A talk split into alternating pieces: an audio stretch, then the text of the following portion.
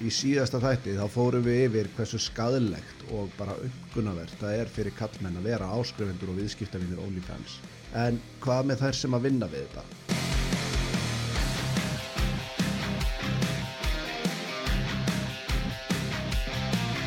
Svegar er mun betra að líta bara á staðreindir í máli því að ef við kíkjum á meðallaun OnlyFans content creators sem við viljum láta kalla sig þá eru meðallaun manneski á OnlyFans um 25-30 þúsund krónur á mánu